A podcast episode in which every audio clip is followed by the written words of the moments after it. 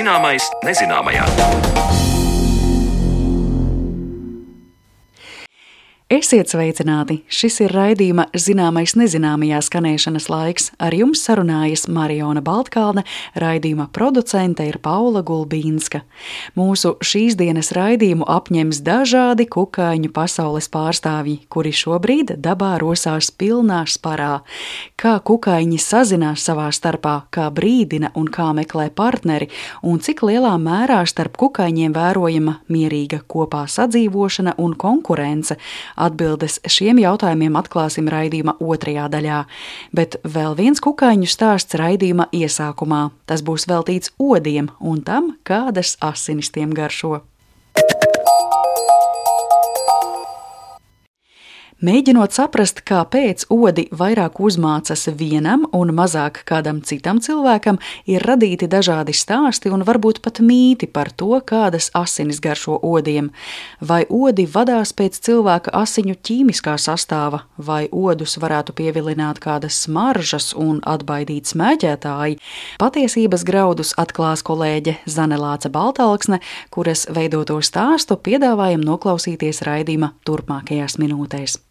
No daudziem cilvēkam netīkamiem radījumiem tie kaitinošākie ir odi.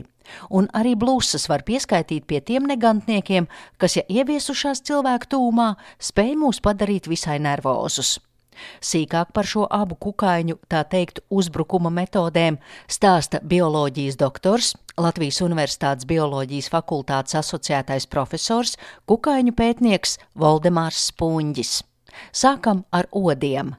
Latvijā ir 30 dzēlējodu sugas, un kā ik katru gadu ar siltā laika iestāšanos šie kukaiņi, vai pareizāk sakot, šo kukaiņu mātītes, lai spētu pasaulē laist pēc iespējas vairāk pēcnācēju, meklē barības vielas, ko satur asinis. Un nav tā, ka šiem kukaiņiem labāk garšo tā vai cita asins grupa. Odi vadās pēc citiem parametriem. Ir jau tā, ka e, cilvēkiem diezgan liels mīts ir, ka vienam kož, citiem nekož. Patiesībā kož visiem. Ir tikai mazliet nianses, ir atšķirības, kāds tas cilvēks ir. Viens tas pats cilvēks var būt ļoti dažādos fizioloģiskos stāvokļos. Piemēram, pēc sporta viņš ir uzsilis, tātad viņš ir attraktīvāks. Ir, varbūt cilvēks nav ilgāk mazgājies, tad viņš ir attraktīvāks. Atkal ir, varbūt viņš ir tiešām to aludzēris, ir jeb kaut kādu citu alkoholu kas paaugstina ķermeņa temperatūru, un atkal cilvēks kļūst attraktīvāks. Tātad sviedru smaka, ķermeņa siltums, izelpotais gaiss, vai precīzāk sakot, ogļskābā gāze ir tie parametri, kas piesaista odus. Valdemārs Spunģis turpina skaidrot šo dzīvnieku barības izvēles taktiku. Bet jāņem vērā, nu, kā otrs meklē savu upuri. Pirmkārt, viņam ir diezgan slikta redzes bet viņš redz siluetus. Tas viens, tātad viņi redz kustību, viņi sajūt siltumu, un viņi sajūt arī izelpoto ogliskābo gāzi. Un pie tā visa komplektiņa nāk vēl dažādi citi faktori. Piemēram, kāda ir cilvēka mikroflora ir uz ķermeņa. Ir. Jo tās baktērijas un sēnes, kas dzīvo uz mūsu ķermeņa, viņas arī izdala kaut kādas specifiskas vielas, Viņi ļoti daudz un dažādas ir, un tas arī var pievilināt odas. Un tā ka nav tāda viena faktora, kas būtu pats svarīgākais, bet tāds faktoru kopums ir, ka viens cilvēks ir drusku attraktīvāks odam nekā cits. Un tad odi kā dzinēji suņi, viņiem primārais ir viņi pēc ožas, ja atrod sev to barības avotu. Jā, principā oža ir galvenais. Ir. Viņam ķīmiskās maņas orgāni, kur izvietoti pa visu ķermeņu, ir īpaši uz antenām, uz taustakļiem, un tad viņi ļoti labi sajūt atsevišķas molekulas. Nereti mēs cilvēki sakām, ah, man odi nekoža, otrs saka, ah, man laikam ir saldākas asins, man tie odi kož. Vai ir tā, vai var pēc, es nezinu, vai pēc glikozes līmeņa asinīs odi vadās vai pēc asins grupām? Nu jā, ir mīti, kas nav pierādīti, ka pirmo asins grupu kož biežāk. Un, uh, tas nav statistiski pierādīts. Es vēl paskatījos literatūru. Tas, zināmā mērā, mīts, bet nav tādu cilvēku, kur odu nekost. Un piedāvā mēs esam trīs gadus pētījis speciāli odus, un es nejūtu kaut kādas atšķirības starp cilvēkiem, ka vienam kož vairāk, otram mazāk. Kā ir mīts vai patiesība par alkohola lietošanu? Etanols, ko izdala organisms, ja cilvēks dzer alkoholu, tas pievilina odus vai gluži otrādi atbaida? Ar alkoholu ir tā, ka odiem nav speciāla receptora pret etilspirtu. Viņi varbūt eh, reaģē uz to, ka tas cilvēks ir eh, pēc alkohola bijis siltāks. Ir, un otrais, alkoholam noārdoties, izveidojās atkal kaut kādi savienojumi un šie savienojumi tie, kas pievilina. Tā kā alkohola noārdīšanās metabolīti. Tad skaidrs, ja lietojam alkoholu, tas to sodus pievilina. Jā, nu un vēl, piemēram, ja mēs dzeram tādus raudzētos dzērienus, piemēram, vīnu, piemēram, malu, piemēram, kefīru, tad viss tas aromāts, kas nāk no tiem dzērieniem, viņi arī pievilina odas. Tad nav atšķirība, vai dzer degvīnu vai dzer kefīru. Otrs pievilina gan viens, jā, gan otrs. Tā. Jo nu, tur ir raugi, tātad raugu izdalītie savienojumi pievilina odas. Par smēķēšanu, ja runājam, ka bieži saka, es smēķēju, tad man odi nenāk klāt. Nē, tas nav. Atkal odiem nav tāda receptora, kas tos nikotīna dūmus uztvertu. Tas viņam pilnīgi vienaldzīgi ir.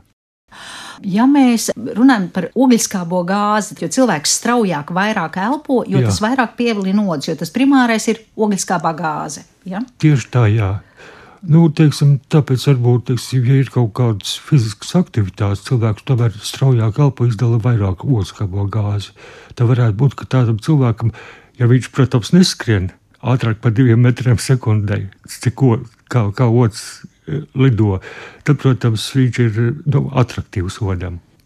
Vai ir izpētīts, no cik liela attāluma odī sajūt aromātus?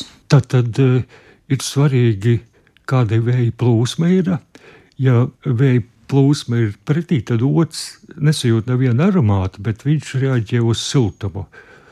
Bet, ja ir pa vējam, tas otrs atrodas it kā aizvējā, ja, tad viņš e, sajūt no pārdesmit metru attāluma. Teiksim, ūdenskapā gāzi viņa jau, piemēram, ir arī gaisā mums ir, ja, un tik ļoti mazas koncentrācijas var sajust patiesībā tikai tūmā.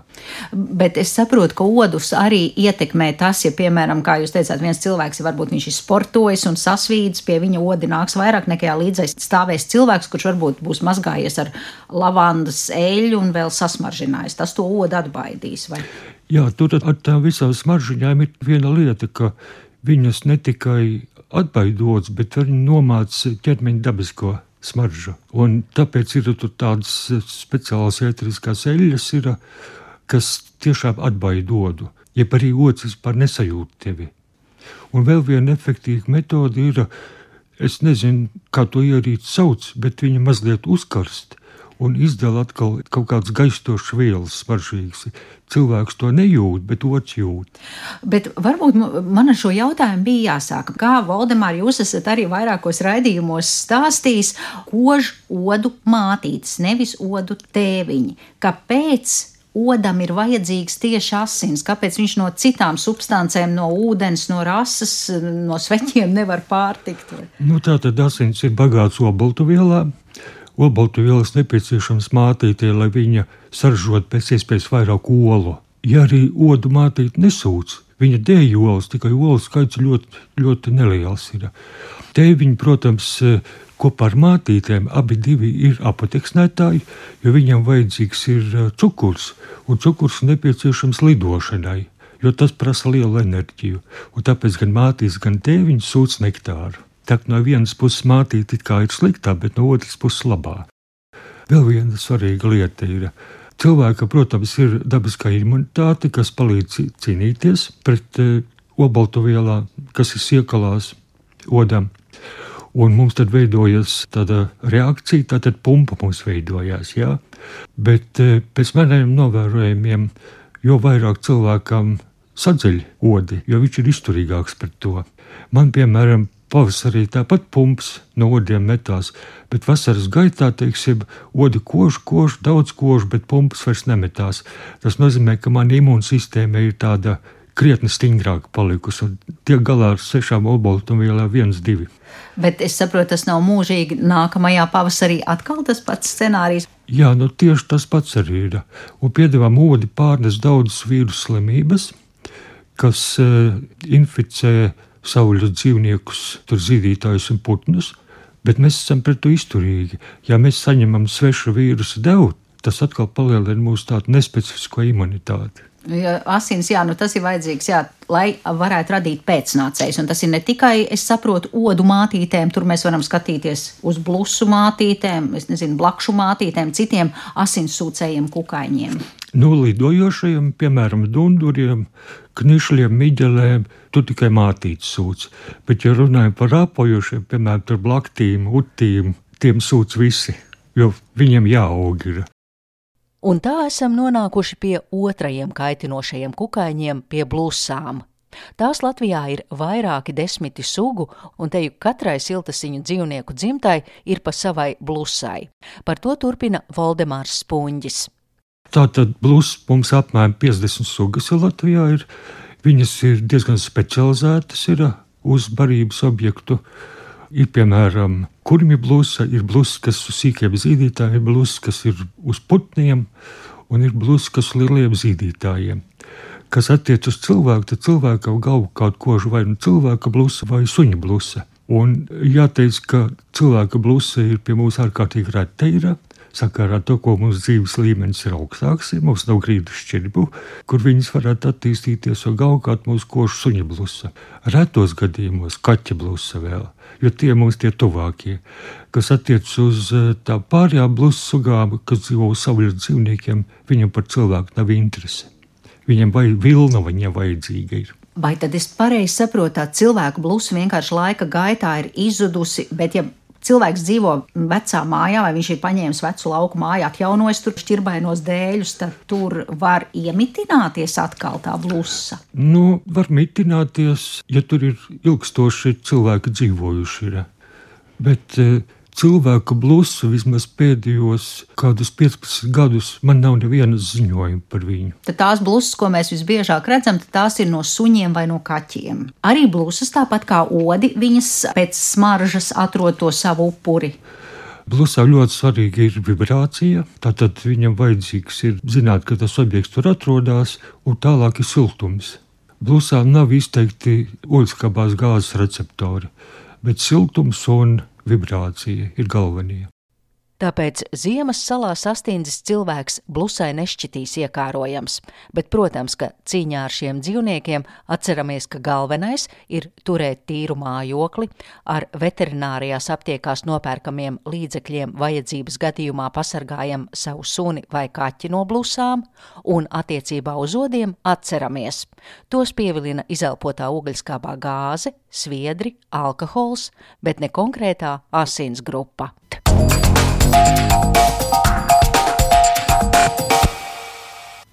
Paldies manai kolēģei Zanai Lācei Baltāksnei. Dzirdējāt sarunu ar entomologu Voldemāru Spunģi par to, kādas asinis odi labprāt izvēlas savā ēdienkartē.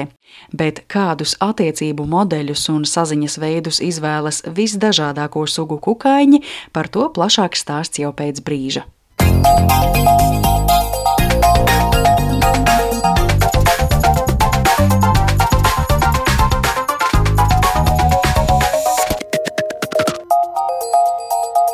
Zināmais nezināmajā. Ja kukaiņu pasaule pietuvinātu tūplānā, tā būtu izcils iedvesmas avots šausmu filmu scenārijiem. Visai nežēlīga var šķist kukaiņu savstarpējā sadzīve, taču arī kukaiņu daudzveidīgajā pasaulē valda dažādas attiecības. Kā tiek nokārtoti rēķini, kādas ir cīņas par barību un kā kukaiņi sadarbojas savā starpā. Šajos plašumos ielūkosimies raidījuma otrajā daļā, un tāpēc ciemos esam aicinājuši Latvijas Nacionālā dabas muzeja muzeja vecāko entomologu Uģi Piterānu. Uģi, esi sveicināts! Sveiki! Es gribētu sākt ar jautājumu, kas ne tik ļoti skar kukaiņu savstarpējās attiecības, bet vairāk to, kā viens process dabā ietekmē citu. Proti, nesen Latvijas vides, geoloģijas un meteoroloģijas centrs bija publicējis informāciju, ka šogad agrāk bija dzirdama dzeguzes dziesma Latvijas austrumu pierobežā, un tad eh, tādā nozarē kā fenoloģijā tiek eh, novērots, eh, kā dzīvās dabas parādības, tātad šajā gadījumā dzeguzes atgriešanos no no Āfrikas sekmē gada laiku maiņa vai klimats. Un tad arī rodas jautājums, ja dzeguzi atgriežas agrāk vai arī kukaiņi parādās agrāk. Kā izskatās šajā ziņā, vai kukaiņu aktivitāte un līdz ar to komunikācija un attiecību veidošana šogad jau bijusi novērojama agri? Tā principā varētu teikt, jā, lai arī neskatoties uz šiem um, augstajām naktīm, pat uh, brīžiem pārāk augstajām priekš uh, jūnija maija beigām. Bet uh, tā fauna, nu, pēc mūsu aprēķiniem, teiksim, tā ir kāda nedēļa, divas ātrāk, pat varbūt nekā norma. Mēs gribam teikt vārdu norma, bet nu, tā norma jau katru gadu aizvien nedaudz mainās. Tas, kad šie pavasari mēdz būt ļoti karsti, un tāds gads nav pirmais, ka kaut kādas sugas izlido ātrāk nekā varbūt mēs to citos gados būtu sagaidījuši. Nu, protams, tas viss ir tāds mainīgs. Kaut kādā gada griezumā var uznākt vēsāks periods, nu, tad atkal tās sugas var nedaudz iekavēties, iepauzēties, un tad gada varbūt beigās viss izlīdzinās. Bet uh, gada sākums, es gribētu teikt, ir bijis nedaudz uh, agrāks nekā ierasts. Bet tā tendence vispār kāda ir gadu no gada, ka tas kļūst aizvien agrāk un agrāk, ka tās klimata pārmaiņas uz kukaiņu pasauli būtiski atsaucas. Varbūt kāds jau ir kāds students vai pētnieks salicis šos visus tādus eh, datus kopā, bet eh, tas, ko es gribēju teikt, ir diezgan mainīgs. Tas ir eh, arī tās klimata pārmaiņas bieži vien parāda, ka katrs gads no gada ļoti krasi atšķirās, arī mūsu reģionā vismaz. Un kukaiņiem bieži vien ir arī ļoti vēlu pavasari. Tagad, piemēram, samērā ātrs, agrs, diezgan tāda nenoteiktības, tā varētu teikt. Un, tur, kur vairāk tas varbūt attiecās, ir šie augusts, septembris mums ir ļoti karsts salīdzinoši, un tur gan tā kaut kādas sugas spēja ienākt Latvijā, apmesties uz dzīvi, tāpēc, ka ir garāks šis karstuma periods un maigāks ziemas, tad tas, protams, atstāja ietekmi. Jā. Protams, arī tās sugas, kas varbūt pie mums ienāk, pagaidām viņām būt labi apstākļi, bet to arī ir atsevišķi gadījumi bijuši, kad suga parādās, bet ir atkal kad, kad, kad daži nelabvēlīgi gadi, un tad viņi atkal pazūd uz kādu brīdi. Tīpaši tās sugas, kas ir šajā areāla ziemeļu robežā, viņas ļoti mainās, staigā. Mm -hmm. Vienu gadu labi, vienu gadu slikti, un tad kamēr nostabilizējas vai pazūd vispār. Nu, skaidrs. Nu, tad mēs arī varam pāriet pie kukaiņu savstarpējām attiecībām, un mēs bieži runājam, un arī mūsu raidījumā mēs esam daudz stāstījuši par sugu attiecībām, par simbiozi un arī dažādiem simbiozes paveidiem. Nu, viens klasisks piemērs - sēne draudzējas ar augstāko augu, to sauc par mikorizu, jo viens otram dod kaut kādu labumu. Vai, piemēram, klaunzivis un korāļi jūras anemones, ja, kur arī anemones un klaunzivis viens otram ir nepieciešami organismi, lai izdzīvotu. Nu, tad mēs varētu tālāk runāt arī par parazītismu un citiem veidiem, kā sugas cita uz citu iedarbojas. Ja mēs tagad priekšplānā izvirzām tieši kukaiņus, kukaiņu klasi, vai arī šeit tā attiecību buķete ir tikpat uh, krāšņa, savstarpēja draudzēšanās, labuma gūšana no attiecībām, sadzīvošana neitrāli, parazītisms, kā tu teiktu? Es domāju, pavisam noteikti visi iespējamie veidi ir um, novērojami. Protams, varbūt tādas uh, savstarpēji izdevīgas attiecības nav nemaz tik plaši izplatītas. Vairāk tomēr kukaiņi bieži vien savā starpā konkurē par barības avotiem, par dzīves vidi. Nu, vai tieši otrādi, varbūt vienkārši mierīgi līdzpastāv, neliekoties ziņas viens par otru, jo viņi diezgan labi arī sadala šīs Eh, mazās ekoloģiskās nišas, tas ir viens no iemesliem, kāpēc kukaiņi ir tik eh, veiksmīgi vispār šajā pasaulē. Nu, kukaiņi ir vispār bezmugurkalnē kopumā, ja mēs skatāmies, ir sugām bagātākā grupa. Tad patiesībā viņi ir mūsu zemeslodes, kā teikt, patiesie valdnieki. Un, un eh, bieži vien šīs nišas, kur kāda suga dzīvo, viņas ir tik šauras, specializētas, viņas tā kā savā starpā sadalījušas. Pat vienu augu viņas var izmantot. Viena ēd saknes, viena ēd stumbra daļu, cita ēd lapas un tā tālāk. Tā kā tādā ziņā, protams, viņiem nav īpaši interesi mērķiecīgi konkurēt savā starpā, bet, nu, protams, vienmēr nesanāk. Dažādi piemēri, ko man citreiz eh, cilvēki jautā par tauriņiem, kad eh, zina, ka eh, tauriņš, teiksim, barojas uz zieda, un tad prasa, vai viņi tur savā starpā necīnās. Nu, varētu teikt, ka cīnās, jo, teiksim, ja kādā vietā, kur ziedu daudzums nav varbūt ļoti liels, ir ierobežots ziedošu augu skaits, protams, tie, kas būs tādi aktīvāki, lielāki, citīgāki, tie tur tos mazākos nostums varbūt malā un tad pirmie dabūs to nektāru. Bet eh, tā nav tāda, protams, apzināta. Eh, vienkārši nu, tīri, ja resursi nepietiek, nu, tad tā konkurence izpaužas stiprāk. Tu pieminēji, ka kukaiņi var apdzīvot dažādas auga daļas vai stāvus, teiksim tā, un tieši šajā saistībā iedomājos par lielo mežu biedu, par kuru mēs arī šogad jau esam stāstījuši, egļu astoņzobu mizgrauzis, par kuru dzirdam šogad un citus iepriekšējos gadus Latvijā un droši vien dzirdēsim vēl. Un interesanti, ka ir arī dažādi mizgrauži, kuri katrs no koka var paņemt to, kas tiem vislabāk garšo, un tādā veidā tie it kā necīnās. Bet es saprotu, ka grūtības parādās tajā brīdī, kad pie apvāršņa parādās tāds kukainis kā skudrulītis. Un es atradu, ka 2010. gadā tas pat tika pasludināts par gada kukaini, jo skudrulītis tad pārtiek no mizgraužiem, un te tad mēs nonākam pie situācijas, kad viens kukainis kļūst par otra barību. Šādu gadījumu ir daudz. Jā, es teiktu, ļoti daudz. Un, ja runā par izgraužiem, tad izgraužu skudrlīds ir tāds labi zināms piemērs. Bet uh, gan izdeja katrai izgraužu sugai ir kaut kāds cits ēdāju komplekss, kas no viņiem pārtiek. Ir dažādi melnuļi un arī dažādi divspārņu kāpuri, kas dzīvo zem koka mizas un kas tieši pielāgojušies. Nerad pat dzīvo tajās ejās, izgrauž ejās, viņi tur, tur staigā, meklē kaut ko kopēst. Tā kā, protams, un varbūt atsevišķos gadījumos ir tiešām šī tāda konkrēta specializācijas, konkrēta sugu, bet nu, bieži vien tie varbūt ir vienkārši kaut kādi plašākā nozīmē, piemēram, racēla lapsens, kas medīja laputis. Nu, viņas varbūt neminēja vienu konkrētu laputu sugu, bet vispār laputis. Un laputis jau vispār, ja runā par šīm savstarpējām attiecībām, tāds centrāls objekts, zinot par laputu sadarbību ar skudrām un par to, ka laputis ēd citi un tad skudrus aizsargā no šiem pārējiem ēdājiem. Nu, tāds labs piemērs par to, kā savā starpā dažādas sugas sadarbojas vai miedarbojas. Mārītis jau arī ēd laputis, vai ne? Jā, tieši tā mārītis un zeltastiņas ir tie kukaiņi, ko mēs savos dārzos gribam, tātad tie ir tie laputu ēdāji. Bet nu, skudrs ņem rūpi par šīm laputīm un tad sargā cītīgi gan no šīm mārītēm, gan no zelta steņām. Tad atkarībā no kurš tur ir vairākumā, kā un kuram izdodas. Jo, nu, protams, mārīte varbūt ir tīpaši tādas lielākās sugas, ir pārspēkā pār mazākajām skudrām, bet skudri ir vairāk. Kā atkarībā no konkrētās situācijas, skudrs var aizstāvēt, bet nu, var gadīties, ka neaizstāv. Mm.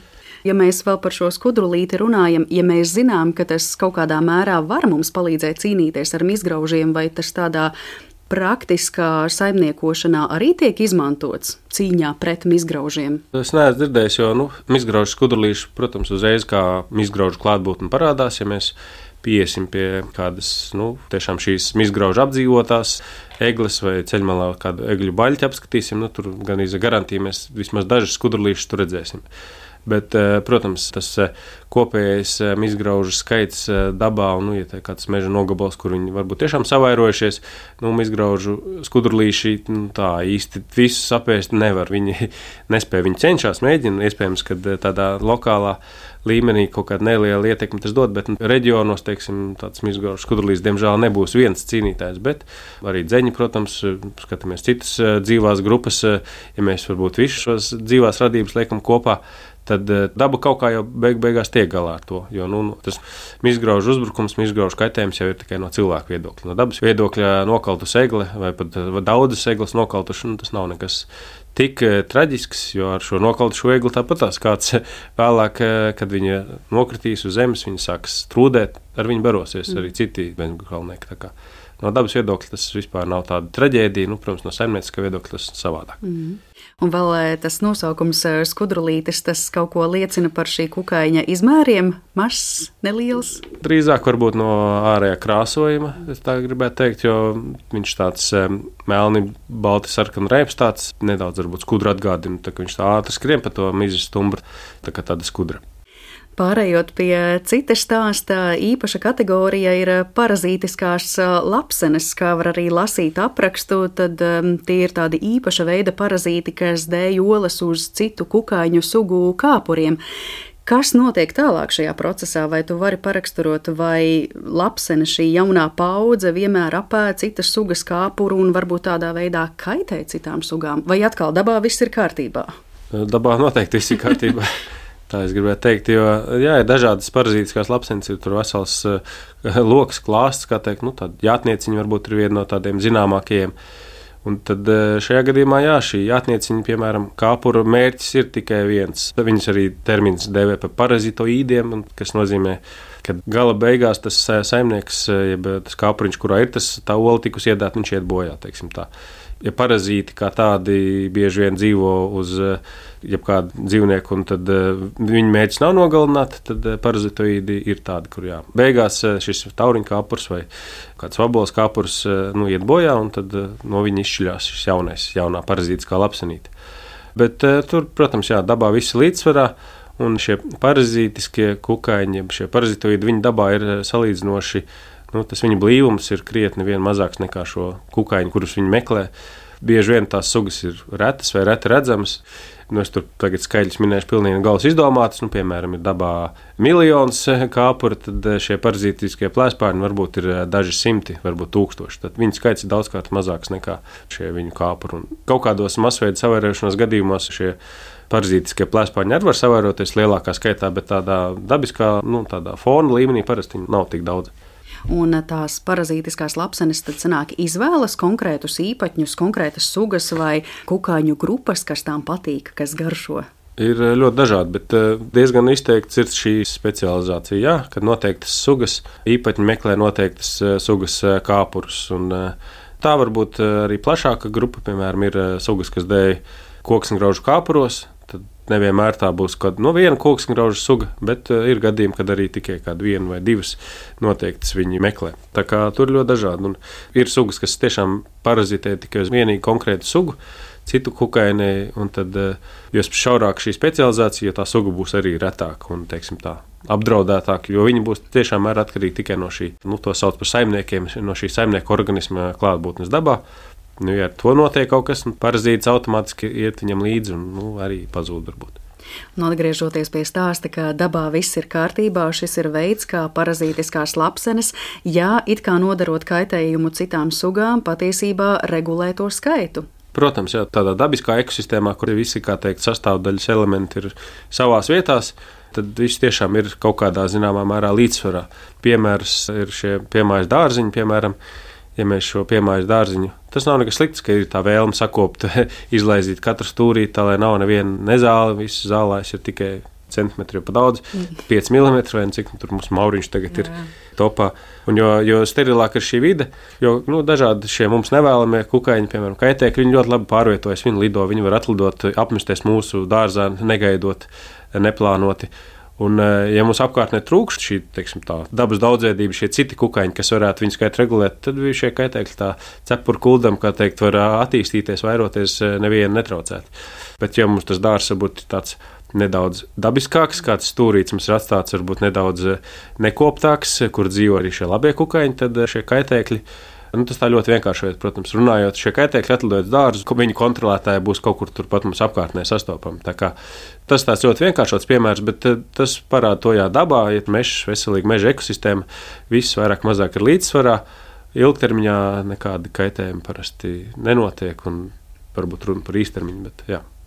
Tajos īsajos nopļautajos mauriņos vienkārši tiem labajiem kukaiņiem nav kur paslēpties. Un, ja zāle jau garāka, tad uh, viņu ienaidniekiem, plēsējiem ir uh, jāpacīnās cauri labirintiem, lai atrastu vai ne. Tas jāsaistās vairāk ar šo dzīves vidi. Šis mans piemērs par piemājas dārziņiem vairāk tādā, es gribētu teikt, ka, ja caurmēr dārziņš ir tāds tuvāk tam ne jau pilnībā nekoptējam, bet tādam, kur ir kaut kādi ir arī tādi dabiskāki stūrīši, tad ļoti labi. Bet, ja tas vidējais dārziņš jau tuvojas tam, ka mums ir īsie mauriņi, vai kā Lielbritānijā esat dzirdējis, kļūst populāri šie plasmas mauriņi, nu, to es negribētu, lai mēs mm. virzītos.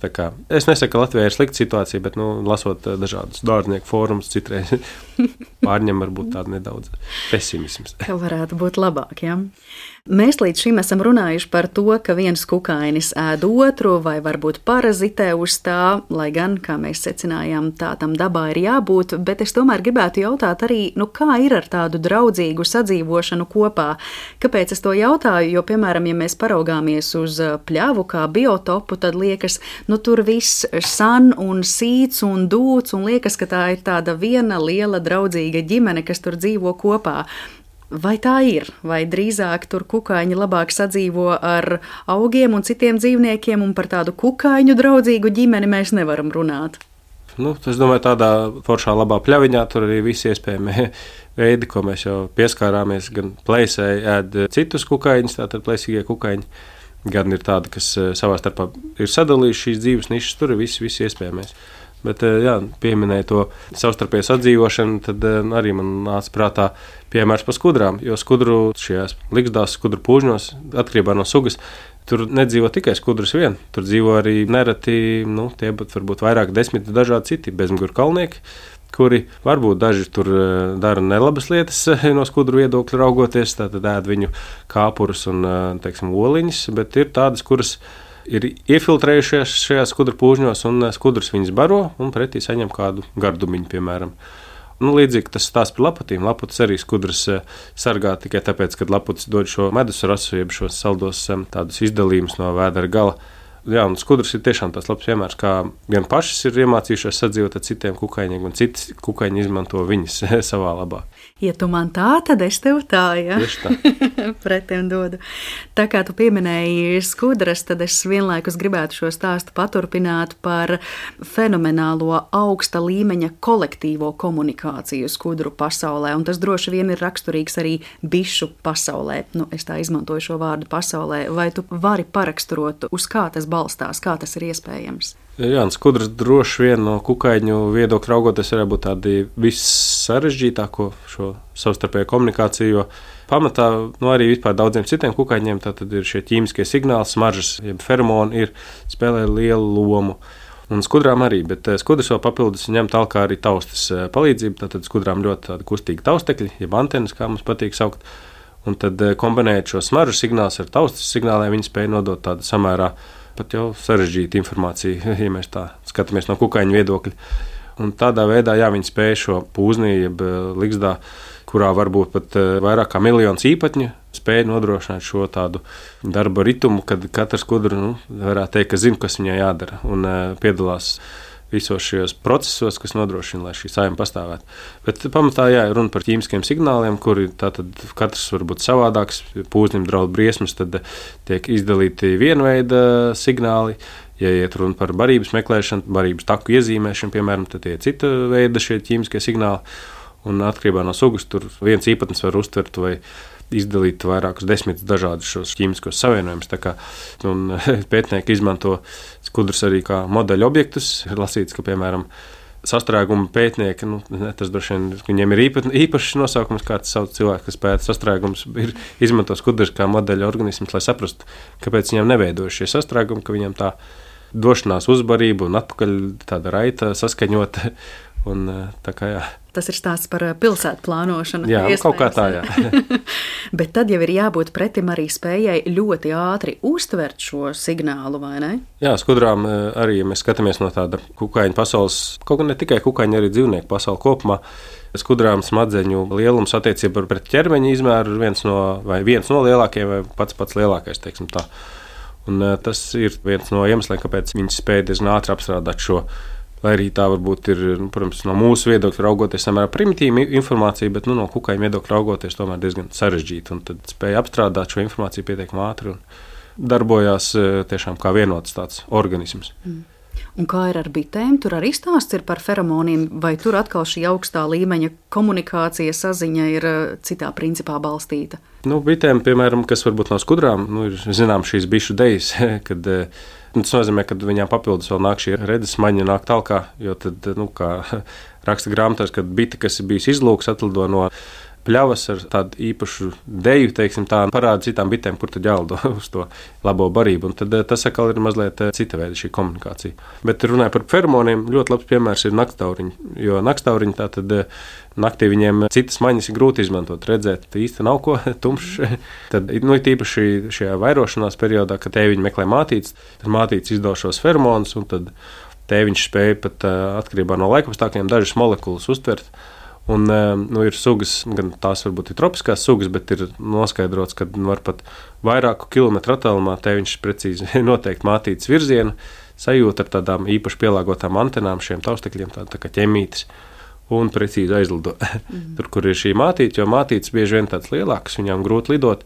Un it īpaši ir tām sugām, kuras eh, nebarojas savas dzīves laikā, tad ļoti svarīgi ir spēja precīzi noteikt šī pretējā dzimuma atrašanās vieta, jo tur tā ir bezmērķīgi lidojot šur, nezinu, kur varbūt, ja paveiksies, izdosies atrast ļoti ātri izterēt šīs savas enerģijas rezerves. Līdz ar to šie fermoni, šīs smaržas tiešām ļoti nozīmīgu lomu spēlē daudz kukaņu dzīvēs. Tātad feromoni, ķīmiskie signāli, dejas, kas ir tāda fiziska darbība, tā manis iepriekš pieminētā dūkšana, sīkšana, sanēšana, spindzēšana, tā arī ir būtiska daļa no komunikācijas, lai sugas īpatņi cits ar citu sazinātos. Nu, protams, ir kaut kādas noteiktas kukaiņu grupas. Mums labi zināmais ienāži vai cikādas, kas ir vairāk varbūt tropu reģionos. Šiem kukaiņiem jāskaņa ir eh, viena no tādiem atkal būtiskākajiem eh, saziņas līdzekļiem. Arī viņiem, salīdzinot ar citiem kukaiņiem, ir tāda labi attīstīta dzirde. Jo, nu, ja mēs runājam par tām pašām skudrām, ko jau mēs minējām, skudrām, piemēram, dzirde nav īpaši attīstīta eh, vai praktiski vispār nav attīstīta. Un redz arī viņām nav pārāk laba. Tad, attiecībā no šīs kukaiņu grupas, tās maņas, kas ir svarīgas, tā, tad, protams, evolūcijas gaitā nu, ir notikuši šie pielāgojumi. Jo ir sugas, kurām redzes tiešām atkal kukaiņi, kuriem redzes nu, ļoti svarīgu lomu spēlē. Un tad tiem kukaiņiem, protams, acis būs daudz eh, izteiktākas attīstītas, un to mēs pat reizēm apskatoties. Nu, spāri varbūt kā piemērs. Ja mēs spāri mums izdodas tūmu apskatīties, tad mēs redzam, ka spārē lielāko daļu no galvas virsmas aizņem acis. Nekā cita tur praktiski nav, jo viņi medī šajā ne tik daudz varbūt savstarpējā saziņa, bet eh, nu, tīri medību nolūkos viņiem šī redze ļoti svarīga. Bet eh, tad es vēlreiz iedomājos par tām skudrām, ja redzēja un dzirde īsti nav nekāda, tad eh, kā tiešām eh, ātri saprast, ka ir žigli jāsakārtojas tā, lai nebūtu to sastrēgumu, ko pat pilsētu plānotāji apbrīno. Un tas ir viens no mazajiem dabas brīnumiem, teiksim tā. Jo nu, ir kaut kādas lietas, ko Pētnieki, protams, pēta, bet, eh, ja mēs tā vienkārši gribam saprast, brīžiem to grūti saprast, aptvert, eh, cik patiesībā šie mazie kukainīši, kas ir samērā primitīvi, ja mēs skatāmies no tāda cilvēka skatu punkta, tomēr ir sarežģīti šo savstarpējo komunikāciju. Mm -hmm. Jā, komunikācijas veidi ļoti krāšņi un dažādi, lai vienas sugas īpatņi cits ar citu savā starpā sazinātos, vai šie paši komunikācijas mehānismi, tātad feromoni, ķīmiskie signāli, dejas un dažāda veida dziesmas, vai tās tiek izmantots arī kā brīdinājums? Nu, piemēram, tā pati dūkšana, ja mēs runājam par bitēm, kamenēm, mušām, vai viens tur mēģina dūkt skaļāk, lai pateiktu, tu turi muti, ja? citādi es tev klupšu krāgā vai arī šis ķīmiskais signāls tiek izdalīts tāpēc, lai brīdinātu, ja tu tulīt eh, neņemsi vagu, tad tev klāsies plāni. Par to dūkšanas tā neesmu baigi dzirdējis, ka tāds notiktu, bet e, savas sugas īpatņas, jā, šie kukaiņi var brīdināt. Bet tā, kad, e, piemēram, kāda citas sugas īpatnī brīdināt ar ķīmiskiem signāliem, tā man liekas, nenotiek. Tur vairāk strādā kā šis varbūt vizuālais. Šie kukaiņi, kuri varbūt ir indīgi, varbūt ir šie bīstamie, kas jau var dzeļ, tad viņi jau vizuāli cenšas izskatīties koši, krāsaini. Sarkans ar melnu vai dzeltens ar melnu. Tādējādi jau preventīvi no attāluma pasakot, ka neaiztiec mani, es esmu bīstams un negaršīgs un netērēju, kā teikt, lieku laiku. Un, eh, nu, protams, ka tad, tad zināms, ka ir citi kukaiņakli izmanto to savā labā. Arī ir šajās brīdinājuma krāsās, kaut gan viņi paši ir nekaitīgi. Tātad dažādas ziedmušas izliekās par lapsenēm, kaut gan eh, viņām nav ne ar ko iedzelt, ne ar ko, bet nu, tādā veidā viņas cer, ka putns ieraugot šo spilgti krāsoto ziedmušu, tad varbūt būs kaut kad jau kāda lapsena mēģinājis apēst tad zina, ka ai, to nevajag ēst. tā ir tā saucamā mīmikrija. Ja? Jā, tieši tā. Ir vēl kādi, varbūt citi paņēmieni, par kuriem mēs pat neesam iedomājušies, jo mēs līdz šim esam runājuši par tādiem varbūt klasiskākiem, tur skaņa, kustība, smarža, vai ir vēl kaut kāds saziņas rīks, kā īpatņi sazinās savā starpā, vai atkal, lai brīdinātu savu upuri. Šo smaržu kontekstā viena lieta, ko es jau pieminēju, tos citus kukaiņus, kas, piemēram, dzīvo skudru pūžņos, un tas veids, kā viņi iefiltrējas, bieži vien ir tieši pateicoties tam, ka viņi spēja atdarināt skudru ķīmiskos signālus. To arī sauc par smaržu mimikriju, teiksim tā, ka viņi spēja atdarināt.